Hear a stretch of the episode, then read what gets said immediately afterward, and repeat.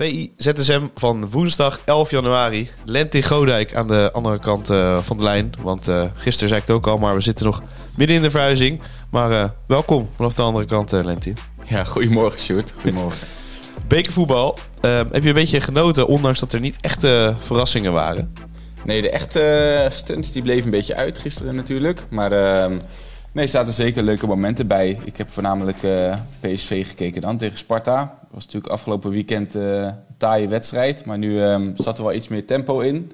En um, ja, bij PSV zie je nog steeds bij Vlagen wel de klasse die dan doorbreekt. Hè? Ik heb persoonlijk uh, genoten van Sangaré op het middenveld. Doet, doet echt niet alles goed, maar de manier waarop hij heerst daar, hoe hij ballen verovert, maar vooral ook hoe hij aanvallen opzet, het zelfvertrouwen waarmee hij speelt, ja, daar kan ik toch altijd wel van genieten. En het is toch ook in interessant om te zien hoe ze dat uh, gemis van opvangen. Hè? Dat is nu toe uh, krijgt El Ghazi die erfenis. En nou, dat vind ik nog niet heel erg meevallen tot nu toe, eerlijk gezegd. Nee, is dat een kwestie van uh, in je ritme komen? Of, uh, of denk je dat El Ghazi gewoon net tekort komt voor zo'n rol om echt Gakpo uh, zijn transfer zeg maar, te doen vergeten? Ja, ja, vergeten is denk ik wel een groot woord voor hem om dat nu op te vangen. Ehm, ik had wel verwacht dat hij al iets verder zou zijn. Hij heeft natuurlijk een half jaar wel gehad om, uh, om te wennen. Hij heeft de jaren daarvoor weinig gespeeld. Um, en je hoopt dan dat hij meteen in zijn eerste wedstrijd iets laat zien waardoor je denkt, oké, uh, dat kan hij aan. Uh, hij had wel één echt briljante actie, moet ik zeggen, gisteravond tegen Sparta. Maar verder is het toch wel wat zoeken en onwennig. En ik hoorde later na de wedstrijd iemand zeggen dat ehm, die opperde, volgens mij was het Marciano Vink, die zei dat Xavier Simons natuurlijk ook nog aan de linkerkant zou kunnen spelen. Ja. Dat vond ik wel uh, een interessante, want uh, Simons met zijn snelheid, met zijn individuele actie, uh, zou daar volgens mij prima uit de voeten kunnen. En heb je op het middenveld ook nog plek voor, de, voor een voetballer als Joey Veerman. Of bijvoorbeeld Guus Steel, die natuurlijk wat meer scorend vermogen heeft. Ehm, dus ze hebben natuurlijk wel opties, ze hebben PSV, dat is wel fijn. Ja, alleen is Xavier Simons natuurlijk niet echt een buitenspeler. Of, of denk je dat hij dat wel nog uh, kan zijn in de toekomst? Want inderdaad, als je hem ziet afronden, denk je, nou ja, dat kan ook zomaar een aanvaller zijn. Ja, ja zeker. Hij heeft uh, natuurlijk op heel veel plekken al gespeeld bij PSV, ook een beetje als uh, valse spits. Dus ik denk zeker dat hij dat wel kan invullen. Uh, het hangt ook een beetje van af hoe je het aan die andere kant invult. Want nu speelt natuurlijk Madueke weer, die is weer fit. had ook weer echt een paar geweldige acties. Ja. Um, en als je hem aan die rechterkant hebt, dan kun je met Xavier Simons misschien ook wat meer naar binnen komen. Um, valt het zo een beetje in elkaar. Maar goed, dan heb je wel minder uh, die Gakpo voorzet op Luc de Jong, waar hij natuurlijk veel uh, uit kon scoren. Dus het zal een beetje zoeken zijn uh, de komende tijd. Maar voor PSV biedt het wel hoop, denk ik, dat uh, Madueke het weer echt op zijn heupen heeft. En dat is wel een speler die je nodig gaat hebben het komende half jaar. Ehm, dat is natuurlijk aan de andere flank, maar ik denk wel dat hij dat gemis van Gakpo wel grotendeels kan opvangen met, met zijn acties, met zijn scorend vermogen, met zijn uitstraling. Dat is wel natuurlijk een geweldige speler om naar te kijken. En uh, het geeft ook wel wat lucht, toch, aan Van Nistelrooy. Na zo'n 0-0 uh, en uh, ja, Gakpo weg. Het is wel fijn dat er dat eindelijk even wat, wat goed valt voor hem. Ja, ja zeker. En uiteindelijk was het natuurlijk 1-2. Maar ik vond ehm, PSV wel echt een stuk sterker dan Sparta. En bij ja. Vlagen zie je wel gewoon de kwaliteit die ze hebben. waarmee ze ook echt nog wel om de titel kunnen gaan spelen. Alleen het moet wel wat stabieler worden. Want ze geven wel weer zo'n doelpunt weg. En verdedigend is het nog wel gewoon altijd kwetsbaar. Ja, in Engeland uh, ook uh, bekervoetbal, maar dat is het volgens mij uh, altijd in Engeland elke dag. ja.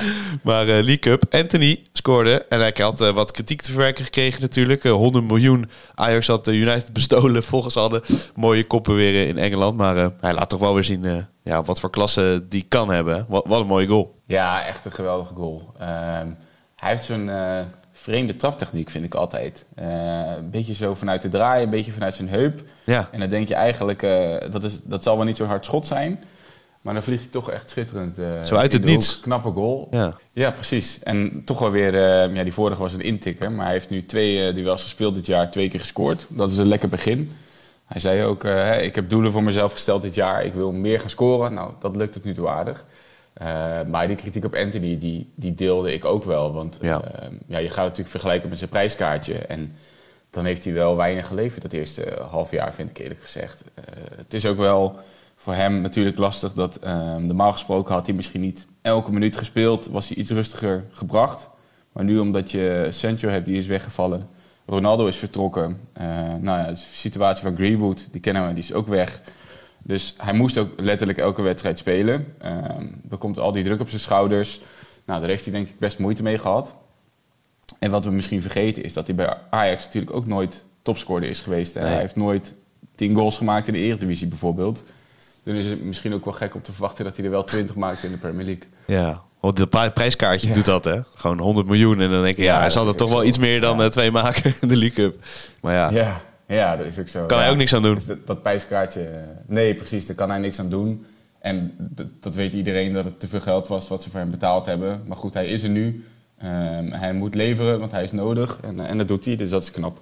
Ja, en laten we dan uh, lekker transfer talk uh, gaan houden nu. Want deze kunnen we in ieder geval afstrepen waarschijnlijk voor januari. Want je durft het nooit echt te zeggen. Maar uh, Rookie. Gisteren zat ik bij de Dik voor elkaar podcast bij Martijn Krabbedam en Michel van Egmond. Toen zei Martijn, Sjoerd, schrijf hem op. Ze gaan vandaag in gesprek.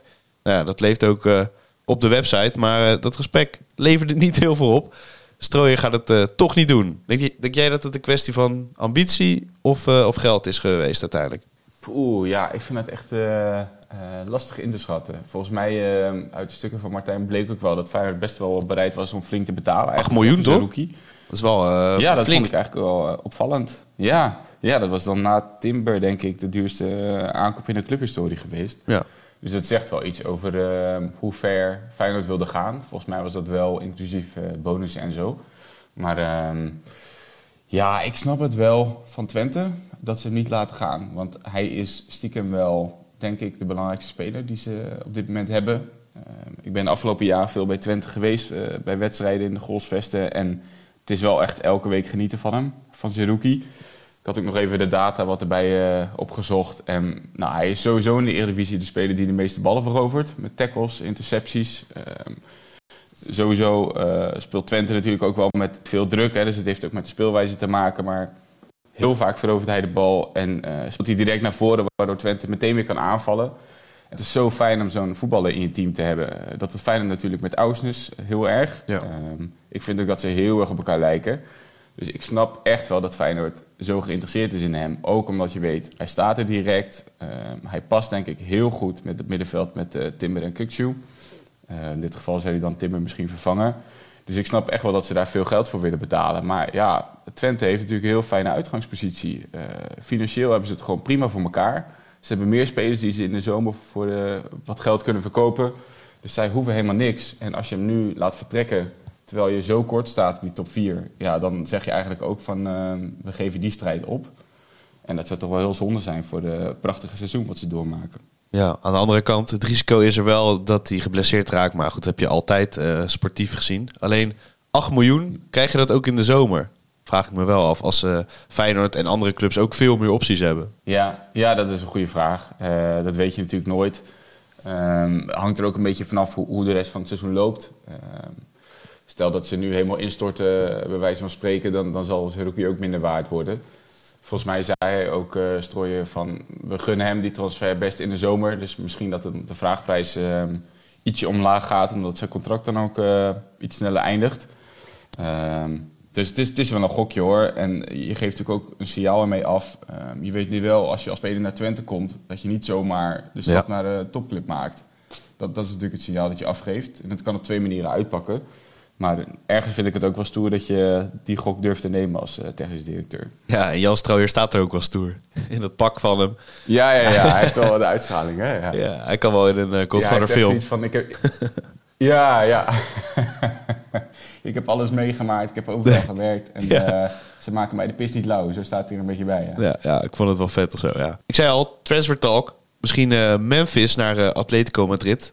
Ik las dat. En toen dacht ik, ah, misschien is dat, is dat wel een goede match. Um, ja, wat denk jij? Past Memphis uh, bij Atletico? Ja, ik, twijfel een beetje eerlijk gezegd. Um, aan de ene kant wel. Um, sowieso is de stap van Barcelona naar Atletico in het verleden wel vaak goed gegaan. kijk maar naar Luis Suarez. Atletico speelt vaak met twee spitsen. Dat past Memphis volgens mij heel goed. Als enige spits ja, durf Xavi hem toch niet echt te vertrouwen hè, bij Barcelona. Ook nu uh, Lewandowski er niet bij is, dan hadden we eigenlijk met z'n allen verwacht van... Nou, nu kreeg Memphis eindelijk eens de kans. Want hij heeft het helemaal niet zo slecht gedaan uh, in Barcelona, vind ik persoonlijk. Maar Dan krijgt eerst Ferran Torres de kans in de spits. Dan zet hij Ansu Fati daar neer. Dat is wel een heel duidelijk signaal naar Memphis dat hij gewoon die kans niet meer gaat krijgen. Of misschien heel sporadisch, maar dat hij als enige nummer 9 in de ogen van Xavi gewoon tekort komt. En dan denk ik, dan is zo'n systeem met twee spitsen, met heel veel beweging, hem wel op het lijf geschreven. Ehm, alleen is Atletico op dit moment denk ik niet de allermakkelijkste club om in te stappen. Maakt een heel moeilijk seizoen door. Uh, er waren laatst wat geruchten over dat Simeone misschien wel vertrekt in de zomer. Uh, dus het is wel een onzeker project om nu uh, over te stappen. en je kunt je afvragen of hij daar 100% zeker is van een basisplaats. Want je hebt natuurlijk wel Griezmann in bloedvorm en je hebt Morata als pure afmaker. Dat is denk ik normaal gesproken het duo waarmee ze zouden gaan starten. Ja. Maar goed, misschien heeft hij iets meer kans dan ten opzichte van, uh, van Lewandowski. Ja, en dan Newcastle en United worden nog uh, genoemd. Maar dat zijn dan wel geruchten ja, die misschien wat, wat vager zijn. Um, ja, yeah. zou dat kunnen passen? Want daar heeft hij nog minder kans denk ik op speeltijd, toch? Of nou ja, misschien bij uh, ja, Ten Hag in de wel. spits. Ja, als je een Nederlands paspoort hebt, dan maak je wel kans, hè? ja, ja. ja, nu Weghorst waarschijnlijk komt, nee, zou met Memphis niet gaan natuurlijk. ja, je kan nooit genoeg Nederlanders hebben. maar uh, nee, nee, zo terugkeer naar United, dat zou natuurlijk wel, uh, ja, wel heel bijzonder zijn. Als hij, als hij dat zou doen, terug naar Manchester, naar de club waar hij nog wel wat heeft recht te zetten. maar als je de laatste berichtgeving zo hoort, is dat nu niet echt aan de orde. Ehm, ook wel omdat hij, Memphis is natuurlijk 28, ehm, zijn contract loopt in de zomer af. Dus dit is wel voor hem het moment om echt een lange termijn keuze te maken. En ik heb wel het idee dat um, United eigenlijk even wil afwachten tot de zomer.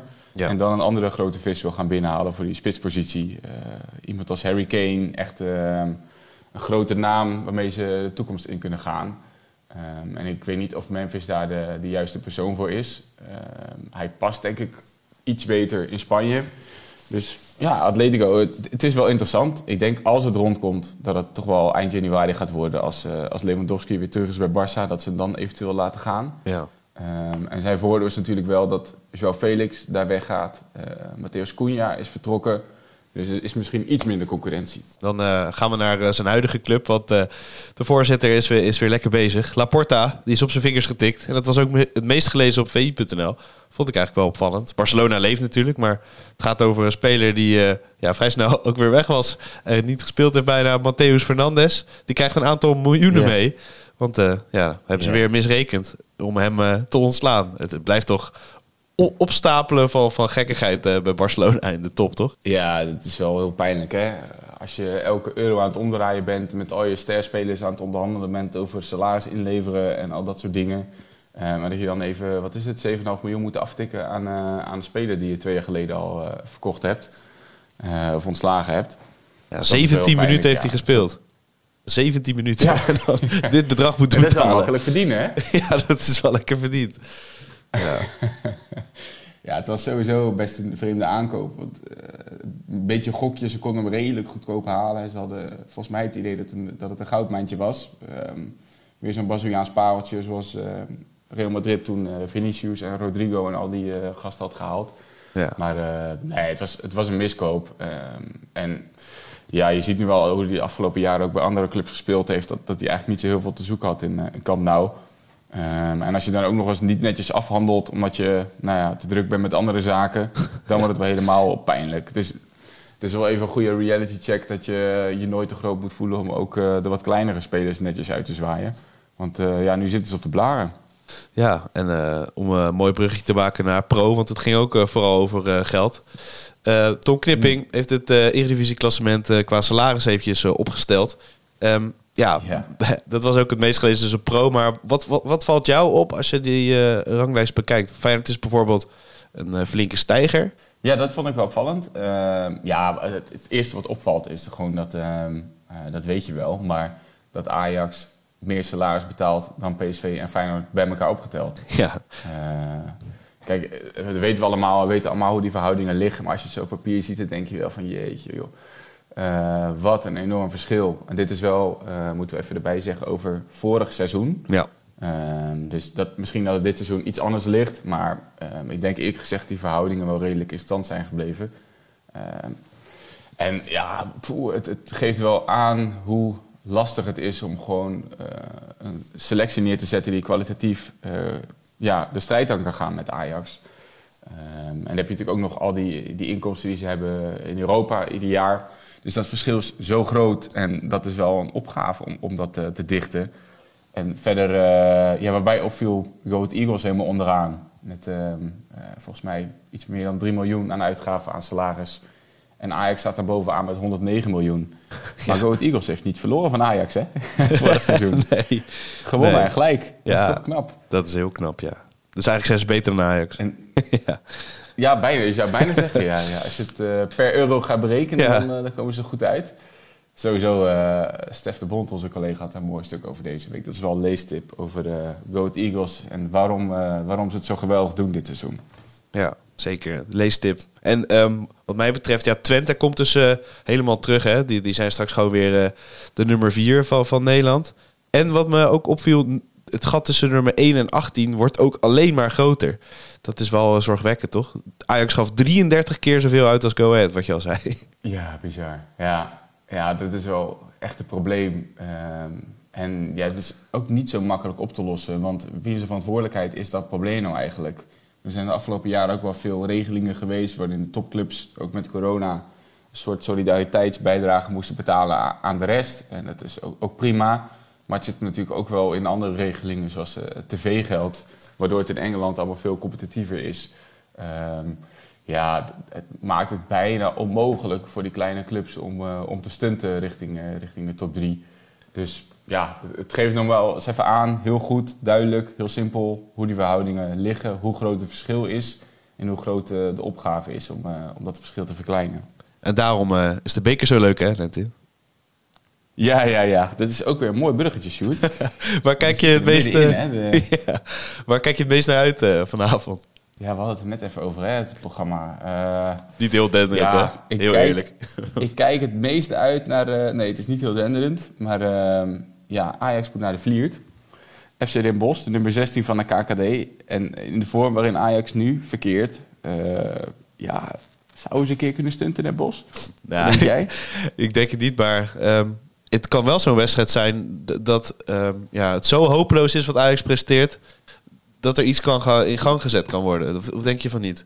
Als, als Ten Bosch eh, 2-0 wint, Ja. wat, gebeurt er dan, weet je wel? Ja, dan, dan is het wel, dan is het wel crisis in Amsterdam. Ja, Eh, ook omdat ze eh, natuurlijk Twente en Feyenoord daarna krijgen in, eh, in de Eredivisie. dat zal wel niet. Dus je kunt wel deze weken je hele seizoen weggooien. Maar ja, we mogen eigenlijk wel hopen dat, eh, dat Ajax tegen FC Den Bosch eh, niet in de problemen komt. Ik ben vooral benieuwd hoe lang het volken nou, eh, Den Bosch. Want je weet wel, als, als het na een uur nog 0-0 staat, dan gaan ze wel zweten daar in Amsterdam. Ja, ja. Het nadeel is alleen altijd van de ZSM dat je de volgende dag direct weer ingehaald wordt door de actualiteit. Dus nou ja, we gaan zien of onze voorspellingen enig uitstijden of dat het gewoon 0-6 wordt. En dat het nergens over ging. Ja. dat- ja, dat zit er natuurlijk ook eh, zeker wel in. Hè? Met het scorende vermogen is natuurlijk eh, Ja. in principe niet zoveel mis bij Ajax. Nee. En eh nou ja, League Cup, inderdaad, ik zei al, het wordt altijd gevoetbald in Engeland. Eh, Southampton City, dat is nog misschien een leuke om, om te bekijken. Oh ja, is wel een leuke wedstrijd, zeker. Ja, het is toch... eh League Cup is ook alweer een eind, hè? Dat vergeten we vaak. Maar die wordt veel vroeger in het seizoen eh, Ja, afgewerkt. Kwartfinale toch? Dus Ten Hag staat nu al... eh, Ja. ja. dus kwartfinale. Ten Hag staat al in de halve finale. Dat is wel leuk, hè? Want ze hebben nu acht keer op rij gewonnen, United. Dat is wel eigenlijk heel bijzonder. En ja, ze kunnen nu die eerste prijs gaan winnen sinds 2017. Europa League met Mourinho tegen Ajax. Het is gewoon meer dan vijf jaar geleden dat United überhaupt een prijs heeft gewonnen. Krankzinnig. Dus dat zou voor Ten Hag al geweldig zijn als hij top 4 haalt en een prijs kan winnen. Dan heeft hij een topstart. Nou, we gaan eh, inderdaad kijken of we onze voorspellingen een beetje eh, uitsnijden. En dan eh, spreek ik eh, morgen, of nee, ik ben er een keer niet. Jarno voorbij. Morgen met eh, Bas van der Oei. Hoven.